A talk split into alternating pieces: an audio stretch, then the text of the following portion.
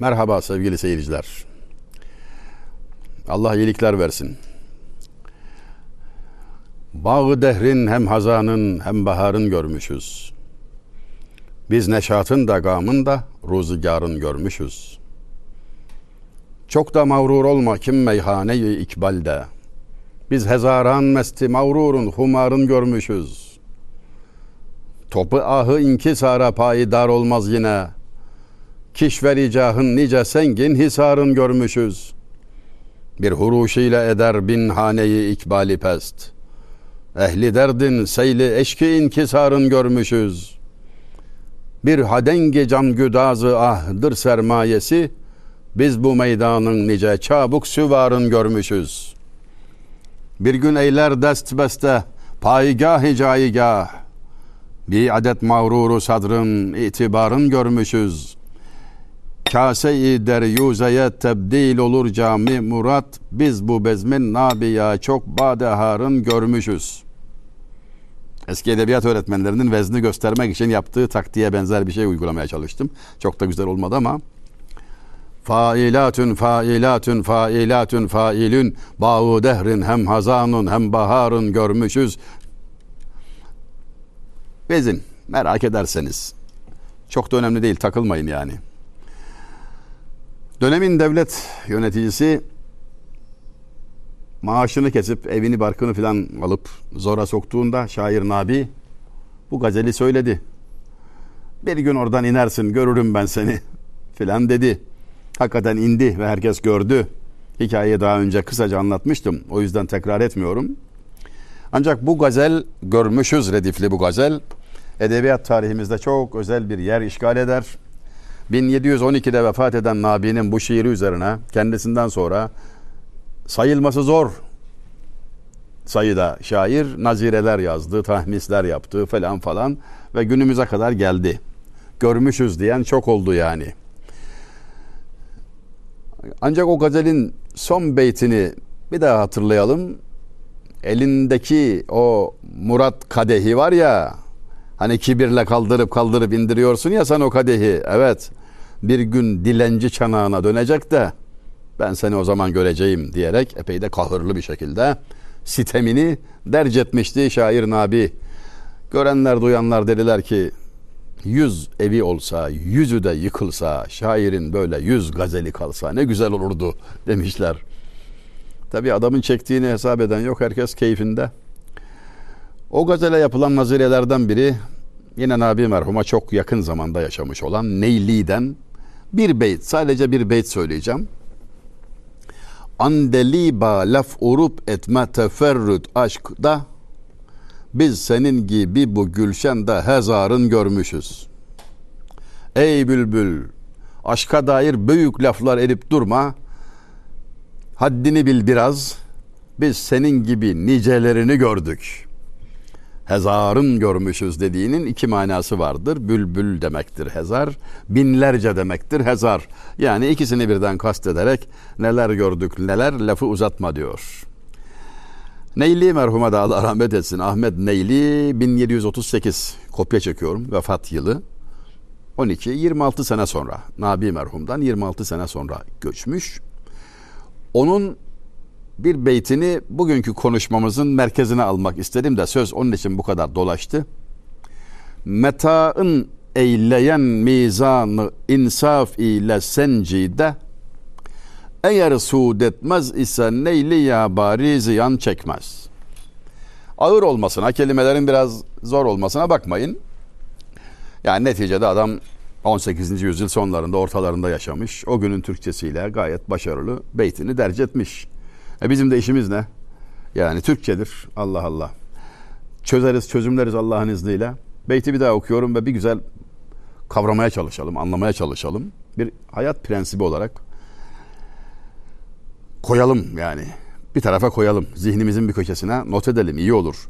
Metaın eyleyen mizanı insaf ile sencide eğer suud etmez ise neyliya bari ziyan çekmez.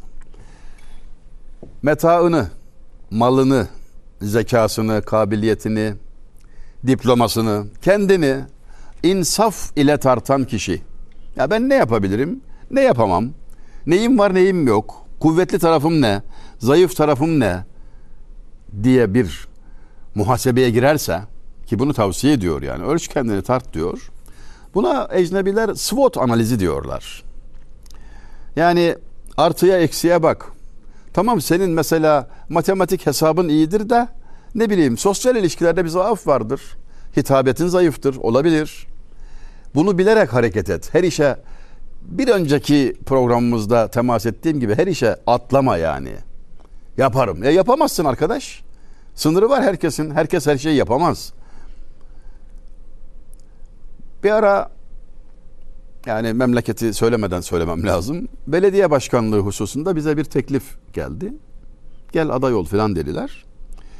Yani kaçtım oradan. Sebebi şu. Ya neden hiç düşünmediğimi sorduklarında da yapamam arkadaş. Yapamam. Hakikaten bu samimi yani bir tevazu falan ediyor değilim yani. Ben o işi yapamam. Hesabı kitabı bilmem. Aldatılırım. Kandırılırım. Benim aklım başka bir yerdeyken olmadık işlere imzamı alırlar. Neme lazım? Evimde musluk patlasa usta çağırıyorum. Yani o da yaparken bir şey de anlamıyorum yani. Ne giriyor, nereden çıkıyor falan. İnsanın zaafını anlaması önemli. Kişi noksanını bilmek gibi irfan olmaz dedi muallim Naci. Şey yani beytin tamamı şu. Çeşme insaf gibi arife mizan olmaz. Kişi noksanını bilmek gibi irfan olmaz. İnsaf gözüyle bakmak gibi bir terazi yoktur. El terazi göz mizan adam gibi bak. İnsanın noksanını bilmek gibi bir irfan yoktur diyor. Hakikaten en zor olan bir şeyden bahsediyorum değil mi sevgili seyirciler? Farkındayız yani. Nedense insan noksanını kabul etmek istemiyor. Kendinde kusur görmek istemiyor. Böyle bir zaafı var. 1980'li yılların ortalarında başlayarak 7 sene kadar avukatlık yaptım. 85-92. Sonra mesafe açıldı mesleğimle arama. Nadiren yapar oldum veya işte özel durumlarda yapar oldum falan. Şimdilerde neredeyse hiçe yaklaştı. Ne gördün yaptığın avukatlık mesleğin sırasında deseniz yani özetleyebileceği tek bir cümle var yani. Kusurlu kimse görmedim. Kabahatli kimse görmedim. Herkes haklı. Herkes suçsuz. E, iyi de öyle mi yani şimdi? Cezaevinde davasını dinlediğim biri vardı. Arifane bir laf işittim ondan. Yanındaki kişi böyle mazlum mağdur edebiyatı yapıyordu da ona dedi ki ya camia ulusundan gelmedik buraya dedi. yani kusurumuzu da bilelim dedi yani insanlar bizi elbette kadre uğrayan, zulme uğrayan, haksızlık olan, yanlış delille şu bu elbette bu durumlar var ama yani suçumuz yok mu canım? Yani insan kendinde noksan görme kabiliyetine çok muhtaç. Şairimiz de tam bunu diyor. Metaın eyleyen mizanı insaf ile sencide yani kendisini insafla tartan kişi eğer kar etmezse de bari ziyan çekmez. Eğer suud etmez ise neyli ya bari ziyan çekmez. Başını belaya sokmaz. Hiç olmazsa zarar etmez. Kar etmese de. E bu da az şey midir yani? Düşvarcadır eğer ki rehitengi kanaat diyor şair Nabi. Düşvarcadır eğer ki rehitengi kanaat. Yoktur hataru bimi selamet var içinde. Kanaatın dar yolu elbette zordur. Sıkıntılı bir yol, düşvarcadır dediği o yani sıkıntılı ama tehlike yoktur. Korku yoktur, eminsindir yani. Yoktur hataru bimi, selamet var içinde. Yani dibi görünmeyen suya girme derler ya eskiler. Kendini tartarsan lüzumsuz hatalara düşmezsin. Dizini dövmezsin. Şöyle bir şey söylemiş Hayali Bey merhum. Yani işte ustalarımızdan, şairlerimizden hayat prensiplerini böyle dikkatlice süzme işine girişsek çok güzel olacak. Yani biz bunu yapmadığımız için olur olmaz akıllar geliyor dedim ya. Ondan bundan işte öğren ondan sonra. Ya adamın biçtiği elbise sana uymuyor. O tarihten gelmiyorsun. O hassasiyetler yok sende. Yani işi karikatürize edeyim. Adam mantı yememiş arkadaş. Senin derdine derman olamaz. Tarhanayı bilmiyor adam. Senin gibi yaşamıyor. Öncelikleri seninle örtüşmüyor. O elbise sana ya bol gelir ya dar gelir. Yani anlamsız taklit veya kompleks ile hareket etmenin alemi yok. Bizim birikimimiz var. İşte su, su, problemimiz ne? Kendi birikimimizden haberimiz az. Eğer suud etmez ise neyli ya bari ziyan çekmez. Temkinli davranırsan diyor. Belki kar etmezsin ama zarar da etmezsin. Görmüşüz redifli gazeller dedim böyle hani geldi ya günümüze kadar da geldi devam da ediyor ha. Yani ne isimler ne isimler. Konumuz edebiyat dersine dönmesin ben size bu redifle yazılmış çok yakışıklı bir şiir okuyacağım şimdi. Bugüne kadar heyecanlanmadan okuyamadığım harika bir eser. Bu vesileyle eser sahibini anmak istiyorum. Bu şiir bir tahmis. Tahmis. Tahmis beşleme demek. Beşleme ne demek? Yani önce bir şair bunu yazar ikili beyitler halinde. iki mısra. Her beyt iki mısra. Beyt öyle olur zaten. Beş beyitle yazmış bunu. Önceki şair. Kim? Yahya Kemal Beyatlı. Görmüşüz. Baharabat gazeli. Çok parlak bir gazeldir yani. Sonra Veysel Öksüz merhum. Allah gani gani rahmet etsin. Konyalı. Vefat yılına dikkat çekmek istiyorum. 1993 vefat yılı. 93 yani 28 yıl önce vefat etmiş. Bu kadar yeni olan, tarihen bize bu kadar yakın olan üstadın sözlerini dinlerken bunu gözden uzak tutmayın lütfen. Bize işareti, beşareti var bu meselenin. Henüz 30 yıl olmamış göçeli ve sen onun şiiri karşısında neredesin? O kelimelere karşı aşinalığın ne kadar tarzında bir düşünce geliştirmemiz önemli. Ortaokul ikinci sınıftan terktir. Şairimiz aynı zamanda şiiri dinlerken buna da bakmanızı rica edeceğim. Veysel Öksüz marhum diyor ki Yahya Kemal'i tahmisen. Rengi yakut lemsi ateş gonca femler görmüşüz. Yare dert ağyare derman çok sanemler görmüşüz. Mest olur yadıyla yaran özge demler görmüşüz. Hayli şep encümden efzun camı cemler görmüşüz. Bezmi cemden sonra subhi muhteşemler görmüşüz. Seyre dalmış gül görüp gülşende lal olmuş hezar. Besteler nakletti hublar meclisinden ruzigar. Teşnedir bir lahza ayrılmaz çemenden cuibar. Hüsnü aşk ikliminin feyziyle sermesti bahar. Rengü buğu eksilmeyen bağı iremler görmüşüz. Binde birdir ta gönülden yar için zar eyleyen. Kendisin inkar eder hep, aşkı inkar eyleyen. Ehli dil olmak gerektir, meyli dildar eyleyen. Meyle hafız, neyle Mevlana'yı tezkar eyleyen.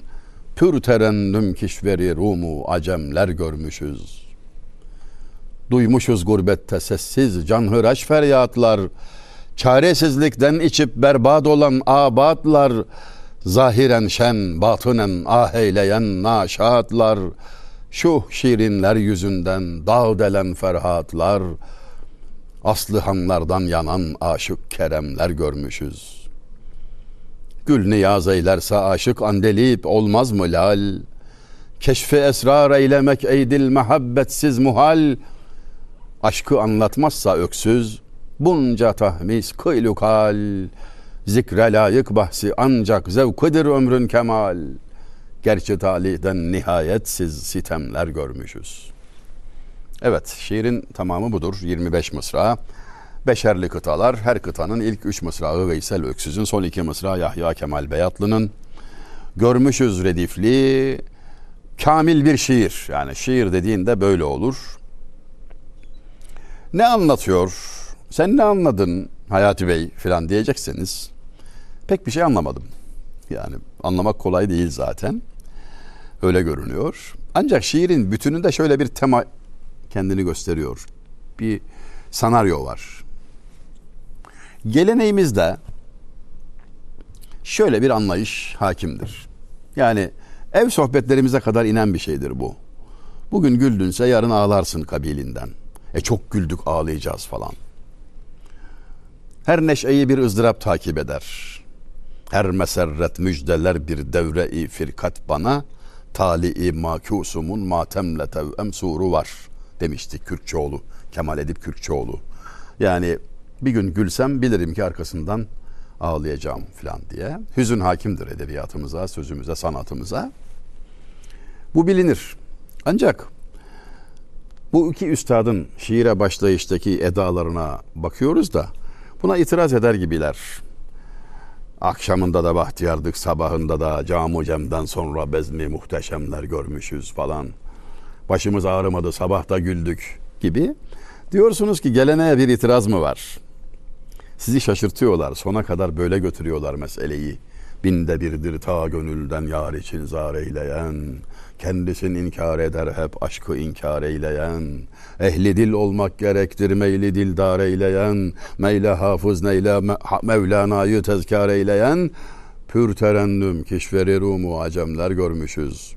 Avrupa'yı uzun uzun dolaştığında Yahya Kemal'in oralarda gördüğü, karşılaştığı itirazlar ve Hazreti Mevlana'ya efendim hafıza, hafızı Şirazi'ye hayran okumuşlar filan görmüş olmasını, onlardan etkilenen gönül ehli veya hassas, rakik kalpli insanları ve meclisleri anlattıktan sonra diyorsun ki ömür boyu saadet yaşamışlar. E maşallah yani.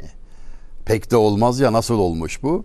Son iki mısrada şair pimi çekiyor. Diyor ki zikre layık bahsi ancak zevkıdır ömrün kemal.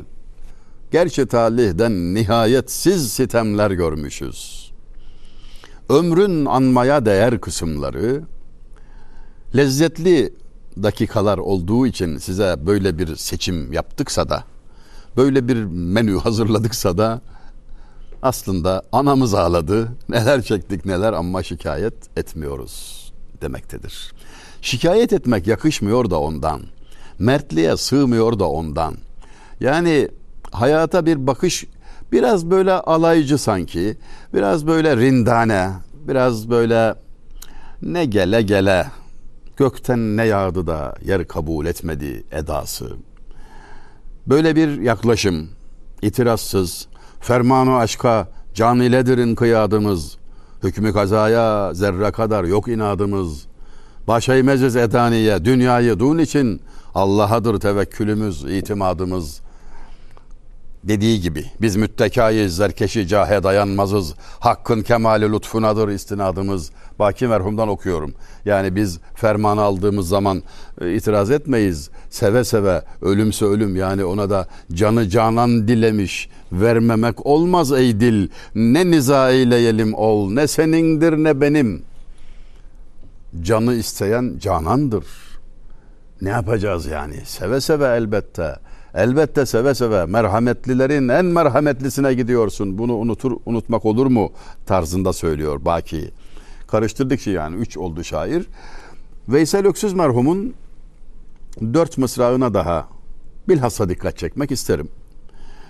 Nazmen tercümedir. Mevlana Celaleddin Rumi Hazretlerinin Divanı Kebir'inden bir kısmı tercüme etmiş ama şiirle yani nazmen tercüme etmiş. Çok büyük bir güzellik tabii bu. Sana batış görünür fakat o bir doğuştur. Bunu yazın ezberleyin bence yani. Eve asın bence. Başa alıyorum dört mısra. Sana batış görünür fakat o bir doğuştur. Kabir canı kurtarır benzerse de zindana. Hangi tohum bir yere ekildi de bitmedi.'' İnsan da bir tohumdan gelmedi mi meydana? On numara beş yıldız. Yani Farsça söyleyen Hazreti Mevlana'ya Türkçe tercümeyle ve nazmen 20. yüzyılda iştirak etmek kültürün devamlılığı açısından ayrı bir önem arz ediyor. Hadi elimizdeymişken dedim ya yazın bunu. Yani cihazınız müsaitse geri alır bir daha dinlersiniz falan. Yoksa bulursunuz zor değil. Veysel Öksüz merhumun şiirleri basıldı. Konya Büyükşehir Belediye o işi ele aldı. Allah razı olsun. İyi yaptılar. Defalarca basıldı yani. 2000'den bu yana takip ediyorum. Bulamazsanız İrtibat kuralım yani atla deve değil ne olmuş? Arayan bulur. Onun bir şiiri de ayrıca özel önem arz eder. Kızına yazdığı bir şiiri vardır. Ben o kızla tanıştım. Yani Veysel Öksüz merhumun kızına nasihat olarak yazdığı harika şiirini konuşurken, sağda solda böyle anlatırken oğlu muhterem Profesör Doktor Hüseyin Öksüz ile de o şiirin mevzuu olan hanım kız ile de ablayla da tanıştım. Ortaokul ikinci sınıftan terk eden bir insanın bu kadar muhteşem sanat eserlerine imza atmış olmasını da ayrıca kayda değer buluyorum. Müsaade ederseniz herhalde üniversite okuyup kafası karışmadı da ondan diyesim geliyor. Yine Veysel Öksüz merhumun Faruk Nafiz Çamlıbel'in meşhur şiiri Han duvarlarına bir naziresinden söz etmek isterim. Heceyle yazılmış bir şiir. Öyle ya hecenin beş şairinden biri Faruk Nafiz. Aruz'la muhteşem eserler verdikten sonra heceye döndü ve beş hececilerden biri oldu. Hecenin beş şairi olarak bir hakkın yani kesinlikle hak etmiş olarak bayrağı dikti. Allah rahmet eylesin sözümüz yok. Han duvarları da onun muhteşem uzun ama harika bir şiiridir. Ve bir seyir, bir seyir, seyran Anadolu'da bir gezinti üzerinden çok güzel hayatı anlatır. Maraşlı Şeyhoğlu satılmışım ben diye. Mısra belki hatırlatır size. Her neyse konumuz o değil. Han duvarları şiirine mısra mısra bir nazire yazdı Veysel Öksüz. Yani bunun örneğini çok göremezsiniz. Ben rastlamadım mesela bugüne kadar. Heceyle yazılmış hem de oldukça uzun bir şiirin naziresi. Divan şiirinde olur da burada olur mu? Yapmış. Anadolu'daki bir yolculuk üzerinden hayatı ve insanı anlatan Faruk Nafize mukabil, insanın dünyadaki yolculuğu ve ebedi serencamı, ebedi hayat yolculuğunu anlatmış gayet güzel bir biçimde. Şiir öğrenecekseniz, okuyacaksanız, biraz şiire zaman ayırmak istiyorsanız alın size örnek. Veysel Öksüz'ün han duvarlarına yaptığı nazire. Velhasıl sevgili seyircilerimiz bizde adam çok. Bizde kaynak çok. Hep diyorum kaynak problemimiz yok. Her anlamda. Her anlamda kaynak problemimiz yok. Bizim idrak problemimiz var. Bizim samimi dua etmeye, gözyaşı dökmeye ihtiyacımız var. Ağlayın, su yükselsin, belki kurtulur gemi. Anne seccaden gelsin, bize dua et emi diyen Necip Fazıl merhumu da rahmetle anmak istiyorum. Gözyaşı rahmettir. Kapıları açar. Neler neler neler olur. Kısacık bir anekdotu şuracıkta derce diyeyim. Zaten vaktin sonuna yaklaştık. Zenginlerden ödünç alıp fakirlere dağıtmayı iş edinen bir Allah dostu. Allah'a tevekkül edip bu işi sürdürürken bir ödeme güçlüğüne girer. Zenginler evini basarlar, sıkıştırırlar. Ar sahibidir, haya sahibidir, kan terler, çok üzülür, müddet verin der, vermezler. Bakar ki çok sıkıntı var. Asla affetmiyorlar. İlla alacakta ısrar ediyorlar. Alacaklarının da sesi çok çıkar malum. Geçen bir börekçi çocuğu çağırır bu Allah dostu. Tepside bulunan bütün börekleri misafirlere dağıttırır. Ve sonra da çocuk para için gelince de para yok yavrum der. Bekleyeceksin biraz der. Çocuk feryat figan ağlar, ortalığı yıkar. Küçüktür çocuk, sabidir, eve ekmek götürecektir. Hakikaten dardadır. O kadar sıkıntı içinde biri gelir oradakilerin tanımadığı biri bir tepsi içinde altın kesecikleri vardır ve bütün alacaklıların alacaklarını karşılamaktadır. Tek tek dağıtılır. Ortadaki küçük kesede çocuğun börek parasıdır. O da verilir. Mahcup olurlar gelenler. Arif'i incittikleri için süre verip de sevaptan sevap kazanmaktan mahrum kaldıkları için utanırlar. Kalsın efendim sonra alalım derler ama artık gücenmiştir. İmtihanı kaybettiniz der. Alın paranızı der. Hepimiz imtihandaydık. Olmadı der. Keşke sabretseydiniz. Merakla sorarlar. Bu kadar sıkıntı içinde o çocuğu niye başınıza bela ettiniz? Hiç olmazsa bunu söyleyin. Dedi ki Hazret yaşınız kemalde yani yaşadığınız 40 50 60 yıl neyse insanın hatası günahı oluyor tabii. Günahlı dille dua da hemen kabul olmuyor yani. Dilin dua günahsız olması lazım. Çocuk sabi onun duası çabuk kabul oldu da o yüzden hepimizin meselesi halloldu. Ben size demiştim gelecek ödeyeceğiz ama sabretmediniz. Çocuğun duası ise Masumun gözyaşı arşi titretir. Derhal kabul gördü ve o çocuk sayesinde hepimiz imtihandan ne puan aldıksa aldık ama bu sıkıntıdan da halas bulduk. Kıssanın hissesi. Seherlerde gözyaşı. Duaya çok ihtiyacımız var sevgili seyirciler. Yari güzel olanın gözünü uyku tutmaz. Yaşadığımız coğrafyada kem göz çok olur. Hep oldu, olacak. Bize düşen başkalarından farklı olarak bizim dua silahımız vardır. Bu silahları çekelim. Kimin duasının kabul olacağı belli olmaz. Aman gözünüzü seveyim. Bizi de duada ihmal etmeyin. Vesselam her şey gönlünüzce olsun.